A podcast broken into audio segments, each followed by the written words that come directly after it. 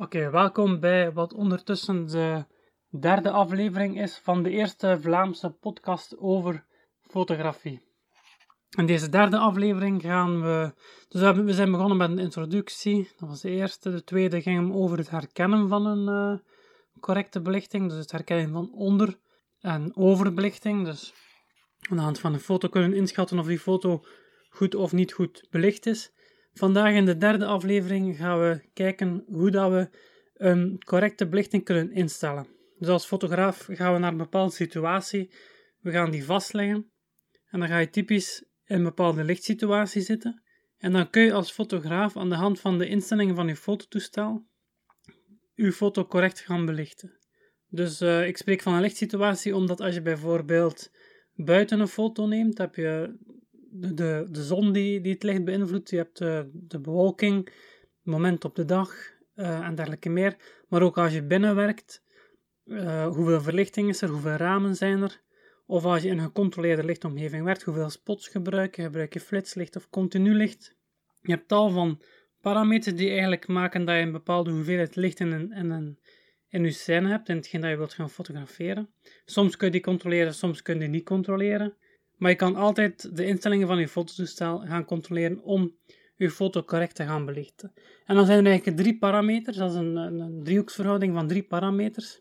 Je hebt aan de ene kant de ISO-waarde, je hebt dan ook nog de sluitertijd en de diafragmawaarde. En elk van die waarden, door die in, op een bepaalde manier in te stellen, kun je goede belichting bekomen.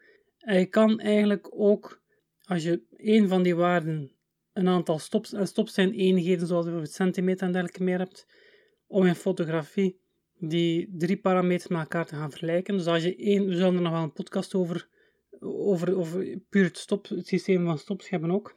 Maar als je bijvoorbeeld de ISO-waarde één stop in de ene richting verplaatst, en dan tegelijk ook een van de twee andere waarden, dus de sluitertijd of de diafragmawaarde, één stop in de andere richting verplaatst, dan heb je opnieuw exact dezelfde belichting. Dus waarom zou je dan de ene of de andere kiezen? Wel, elk van die drie parameters, zowel de ISO-waarde als de sluitertijd als de diafragma, hebben een bepaald effect op je beeld. We zullen in de volgende podcast elk van die, dus de, de, de volgende drie podcasts eigenlijk, zullen we elke parameter ISO, sluiter en diafragmawaarde apart gaan bespreken. En zullen we dieper ingaan op die specifieke eigenschappen van die ene instelling.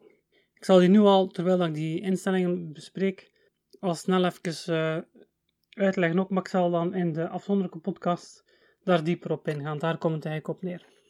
Als we beginnen bij de eerste, de ISO-waarde. Als je, ik zal ook heel veel teruggrijpen naar uh, de analoge fotografie. Um, je zult wel horen waarom. Als we nu over ISO-waarden spreken bijvoorbeeld, dan had je vroeger een analoog filmpje, dan stond daar een bepaalde ISO-waarde op. En dat kon niet zijn in zin van veel gebruikte ISO-waarden waren 200, ISO 200 of ISO 400.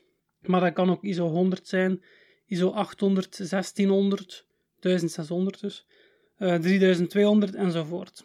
En ook nog tussenliggende waarden. Maar het voornaamste is eigenlijk dat uh, ISO 200 dus de ISO-waarde betekent hoe gevoelig uw film of uw sensor, want dus bij digitale fotografie heb je nog altijd ISO-waarden, is dan altijd van belang.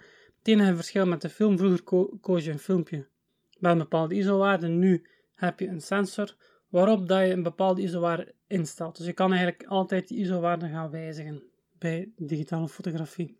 Het is wel nog zo dat, um, een klein beetje vergelijkbaar met de analoge fotografie, een filmpje heeft een bepaalde ISO-waarde, is het ook zo dat een sensor gemaakt is voor een bepaalde ISO-waarde. Dus dan zal die optimaal presteren met die specifieke ISO-waarde. En dat is typisch 100 of 200, dus een, vrij lage ISO-waarde. Dan zal die op zijn best presteren met die ISO-waarde. Voor de rest, als we de ISO-waarde instellen, dus eigenlijk dat bepaalt de hoeveelheid licht dat dan nodig is voor het maken van uw foto.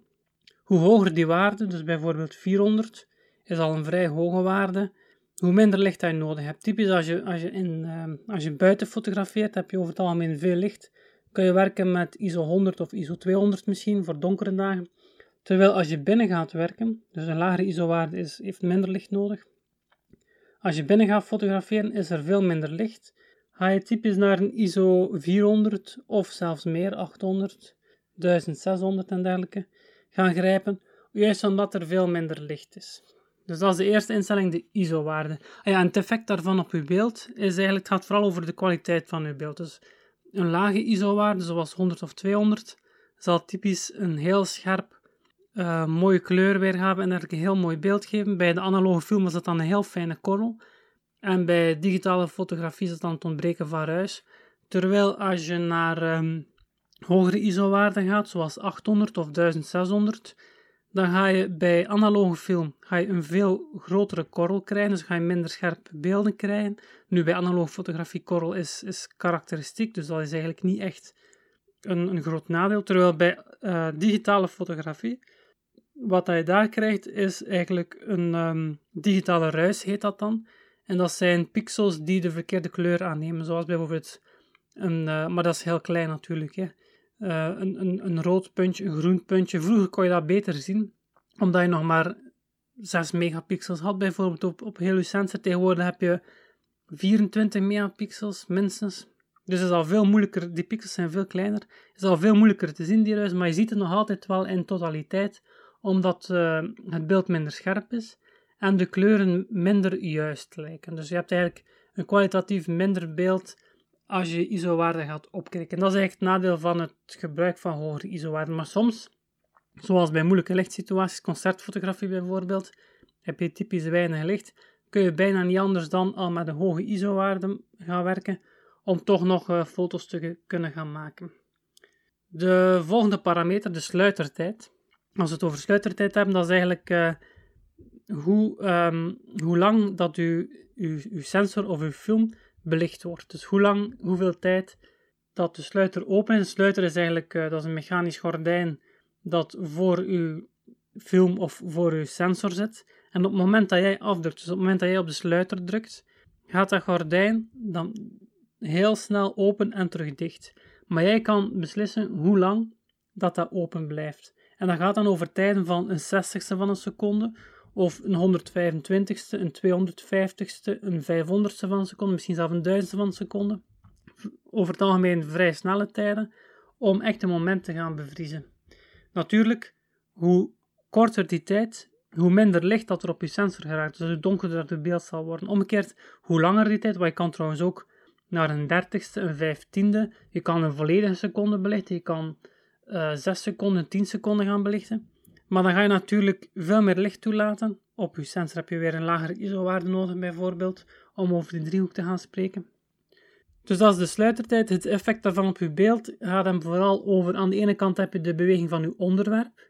Dus als je bijvoorbeeld een auto fotografeert die snel voorbij rijdt, dan zou je een hoge of een snelle sluitertijd moeten gaan gebruiken van bijvoorbeeld een duizend van seconde om dat moment te bevriezen. Als je dat niet doet, als je die, die auto die passeert fotografeert aan 60 van een seconde, dan gaat dat een wazige streep op je beeld zijn.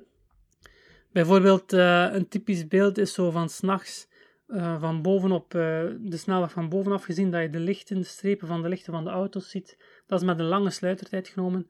En dan zie je, in plaats van een puntje van een, een, lichtje, zie je een volledige streep. Een um, trage sluitertijd zal dus dat effect geven. Maar er is nog een andere beweging. Dus je hebt aan de ene kant de beweging van je onderwerp, maar je hebt ook als fotograaf beweeg je ook als mens beweeg je altijd. Je hebt een klein beetje beweging, je trilt een beetje. Ook op het moment dat je afdrukt, is dat een kleine beweging dat je maakt. En om te voorkomen dat die beweging zich vertaalt in onscherpte, want dat, als je heel traag sluitertijden van onder een van een seconde, dus dan spreken we over een, een halve seconde, een, een, een volledige seconde, als we, als we dat soort sluitertijden gebruiken, dan moet je wel naar een statief grijpen. Een statief is dus gewoon een manier om je fototoestel los van u vast op een vaste ondergrond vast te gaan zetten en dus een foto te kunnen maken zonder dat je die beweging als fotograaf alles onscherp maakt. Of met die beweging als fotograaf alles onscherp maakt. En dat wordt dan gebruikt bij bijvoorbeeld studiofotografie van uh, stilstaande productfotografie. Bijvoorbeeld, of van landschappen, wat hij ook soms lange sluitertijden gebruikt. En zo kun je ook uh, dus de beweging van de fotograaf gaan neutraliseren. Dan de derde parameter is diafragmawaarde. En diafragma is eigenlijk een uh, systeem in uw lens waarmee dat je de lensopening kunt gaan vergroten en gaan verkleinen. Dat zijn lamellen die over elkaar schuiven. En als je een oude, een, typisch een oude lens hebt, dan kun je dat zelf nog door die lens van dat fototoestel te gaan nemen, En de diafragma-ring, dat is typisch op, een, op de oudere lenzen heb je een zogenaamde diafragma-ring. En dat is dan een ring vergelijkbaar met de scherpstel- of focusring, maar ook vergelijkbaar met bijvoorbeeld de zoomring, waarmee je de brandpuntsafstand wijzigt van een lens. Zo heb je ook, vroeger had je dat toch op elke lens een diafragma-ring. En dan gaan daar typisch ook getallen op staan in de zin van 1.4, 2, 2.8, 4, 5.6, 8, 11, 16, 22 enzovoort. Dus dat zijn diafragmawaarden. En daarbij is het belangrijk dat je weet dat f2, dus een klein getal, is een zeer grote lensopening. Terwijl dat bijvoorbeeld f8, f8 of f11 een, uh, een groter getal, een heel kleine lensopening is. En natuurlijk, als je al de parameters hetzelfde laat, dan ga je voor dezelfde sluitertijd door een kleine lensopening veel minder licht krijgen dan door een hele grote lensopening. Dus zo kun je ook de belichting gaan bepalen. Het effect daarvan op, uh, op uw beeld gaat dan over scherptediepte. En scherptediepte is eigenlijk alles wat al scherp is uh, als je kijkt loodrecht op de as van de fotograaf. Dus eigenlijk um, als je kijkt naar een bepaald punt, bijvoorbeeld een portret, als je een portret, een foto neemt van een persoon, van een gezicht, en je staat scherp op het oog, als je dan een heel, heel kleine scherptediepte hebt, dan kan het zelfs zijn dat het puntje van de neus wat dichter bij de fotograaf zit, of beter het, uh, het opnamevlak, dus de, de film of de sensor, al niet meer scherp is. En dan het oor, wat dan weer verder zit dan het oog, ook niet meer scherp is. Terwijl als je een, uh, een heel uh, kleine lensopening neemt, maar een groot getal dus, zoals f8 of 11 of 16, dan krijg je veel meer scherptediepte. Dus dan is bijvoorbeeld ook het, dan is niet alleen het oog, maar ook het puntje van de neus en zelf de omgeving rond die persoon is ook allemaal scherp. Typisch voor portretten ga je willen werken met weinig scherptediepte, omdat je dan het gezicht scherp hebt, maar de omgeving onscherp wordt. En dan krijg je eigenlijk een isolatie van je onderwerp, van je persoon, door die scherpte. Terwijl bij landschapsfotografie of bij productfotografie ga je eerder willen dat alles scherp is. Want ja, een landschap wil niet dat dat ene boompje daar scherp is, maar dat ook al die boompjes en die struikjes die, die daarvoor staan scherp zijn. En ook al die, alle landschap dat achter die boom staat ook allemaal scherp is. Dan ga je typisch werken met grotere f-getallen, oftewel kleinere lensopeningen. Bij die portretten wou je dus graag een grote lensopening of een klein getal, zoals f2. Typisch is ook een lens met bijvoorbeeld een grote opening, duurder en zwaarder. Um, en als we dan teruggaan naar die concertfotografie bijvoorbeeld, ga je liever naar zo'n dure lens gaan die dus veel meer licht binnenlaat, dan naar een goedkopere lens die maar, vanaf, die maar een maximale lensopening heeft van bijvoorbeeld f5.6. Nu, ik zei eerder al van, als je die lens eraf neemt, bij de oude, ja, tegenwoordig als je een, een Nikon lens vanaf de G-series, is die diafragma-ring eigenlijk verdwenen, omdat dat een instelling geworden is op je fototoestel. En uh, terwijl bij oudere lenzen was er echt nog een ring op de lens. En bij Fujifilm, dus wat dat Fujifilm met de X-series heeft, is eigenlijk een aantal fototoestellen die de oude analoge fototoestellen gaan, of toch qua uiterlijk gaan nabootsen, zogenaamde retro-toestellen. En dat maakt dat je dus op die lenzen, op veel van, ook niet op alle lenzen, maar op veel de lenzen met een R in de naamgeving, ook nog zo'n diafragma-ring hebt. Dus je echt nog kunt zien en kunt instellen wat dat diafragma juist moet zijn. Het wordt wel elektronisch aangestuurd, dus is niet helemaal hetzelfde als, eh, als de mechanische diafragma's van vroeger. Um, maar ik zei van, neem zo'n oude lens, neem die van de camera en stel die ring in en dan zal je dat diafragma zien vergroten en verkleinen, als het goed is. Met uh, moderne lenzen gaat dat niet. En dat gaat ook niet als je die lens op die camera laat zitten, want typisch, zeker voor een spiegelreflexcamera, waar je eigenlijk met de zoeker door je lens kijkt, gaat hij van het moment dat hij op de camera gemonteerd is, gaat hij volledig, de volledige opening gaan benutten, dus gaat hij volledig openstaan. En het is pas als je afdrukt, dat die gekozen diafragmawaarde echt wordt ingesteld. Dus als je dan met F8 werkt, pas op het moment dat je afdrukt, gaat dat diafragma gaan verkleinen, dan de sluiter, zo wordt de foto gemaakt, en gaat dat diafragma terug volledig openstaan. En dat is omdat het lens, uh, het licht dat door de lens valt, je zoekerbeeld vormt bij een spiegelreflex. En hoe meer licht dat er daardoor valt, hoe gemakkelijker het is om scherp te staan en om eigenlijk te zien wat er in die zoeker gebeurt. Daarom wordt dat op die manier gedaan. Uh, maar dat was eigenlijk de, de, de derde parameter van de, van de belichting. Dus we hadden de ISO-waarde die vooral de kwaliteit van je beeld, de korrel en de ruis bepaalt als je die te hoog instelt. Je hebt de sluitertijd waarmee je vooral beweging bevriest of juist beweging kunt suggereren door een lange sluitertijd te gaan maken met een bewegend onderwerp, maar ook niet te vergeten de beweging van de fotograaf. En je hebt dan nog de derde parameter die de diafragmawaarde was, dus de, de, de lensopening, de grootte van de, de lensopening. Dus hoeveel licht dat er voor diezelfde tijd in één keer door die lens kan, uh, kan vallen. En waarmee dat je dus de scherptediepte gaat gaan bepalen. Zo, dat was het. We gaan het zo kort mogelijk houden. De volgende keer gaan dus, dus er komen drie afleveringen waarbij dat we de ene keer over de ISO-waarde in detail gaan spreken, dan gaan we een keer over de sluitertijd in detail gaan spreken, en dan nog eens over diafragma. Dan denk ik dat we misschien nog eens over het stopsysteem en misschien ook over brandpuntsafstanden, want als we het hebben over diafragma, over die scherptediepte, dat wordt niet alleen door uw diafragmawaarde bepaald, maar ook door de brandpuntsafstand. Um, en dan ga ik zo snel mogelijk uh, iets meer over iets gevoelsmatig gaan. Uh, dus we hebben het nu al heel vaak over echt technische aspecten gehad. Maar we moeten er even door. Dus de volgende afleveringen zijn zeker nog technisch.